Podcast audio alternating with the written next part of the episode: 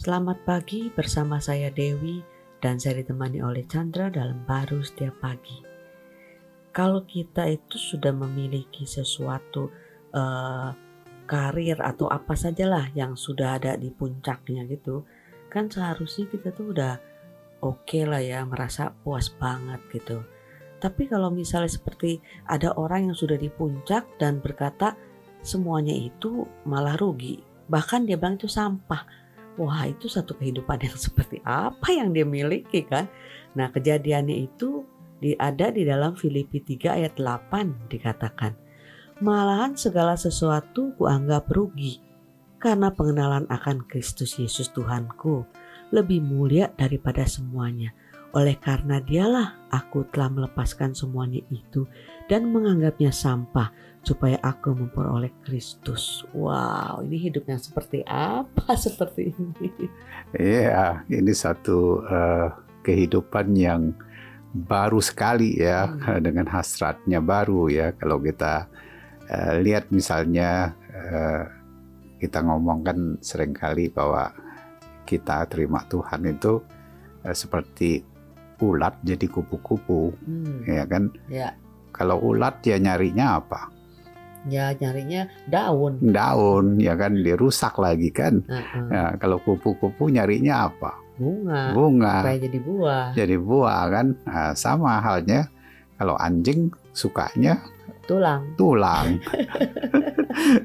Kalau manusia dilempari tulang, dia mau nggak? Nggak mau lah. Nggak mau. Mendingan nah, kalau stick kecuali kan. Nah, kalau anjing dilempari tulang, kalau tulang cuma satu, anjingnya banyak bisa berebut-berebut kan. Nah, sebenarnya yang ingin ditekankan Paulus itu, hmm. dia melihat Kristus itu sudah jauh melampaui itu hmm, satu, kehidupan, kehidupan baru, hmm. ya kan, dengan hasrat baru di dalam Tuhannya. Yes. Apa yang dia pikir dulu menjadi perjuangan dia dan pencapaian yang luar biasa sebagai ukuran daripada hidup dia itu sudah nggak valid nggak berlaku lagi. Hmm. Uh, uh, dia nganggap sebagai sampah itu kan artinya udah nggak dari pertimbangan dia nilainya lagi kan. itu sudah nggak ada sama sekali. Ya nilainya itu sangat uh, terbatas ya uh, dan tidak ada bagi Betul. dia karena dibandingkan dengan hidup Kristus dengan kemuliaan yang dalam satu kekekalan. Betul, kalau kita masih di situ uh, Paulus bilang malah rugi jadinya. Iya, kalau dilihatnya dari sana kan hmm. uh, sama dengan hidup kita ya. Tuhan ingin kita itu bukan tidak bisa menikmati apa yang harus kita punyai, hmm. tapi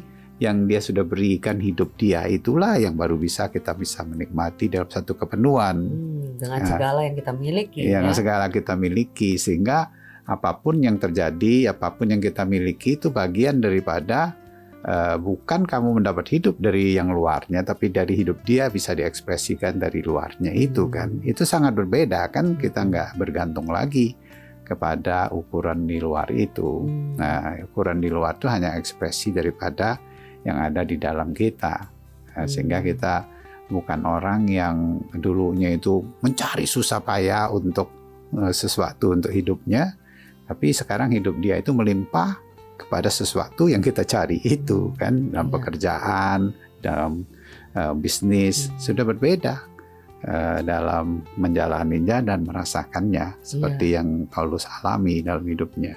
Ya, dulu dia mencari pencapaiannya itu untuk melihat hidup yang lebih baik. Hmm. Tetapi sekarang dia sudah memiliki hidup yang jauh lebih baik yang menjadi uh, akan hidup itu lebih bernilai. Ya? Iya, wow. sehingga merupakan pancaran hidup dia hmm. eh, dalam hidup dia, bukan ukuran lagi kan yang dia harus kejar cari untuk hidup dia. Amin. Amin.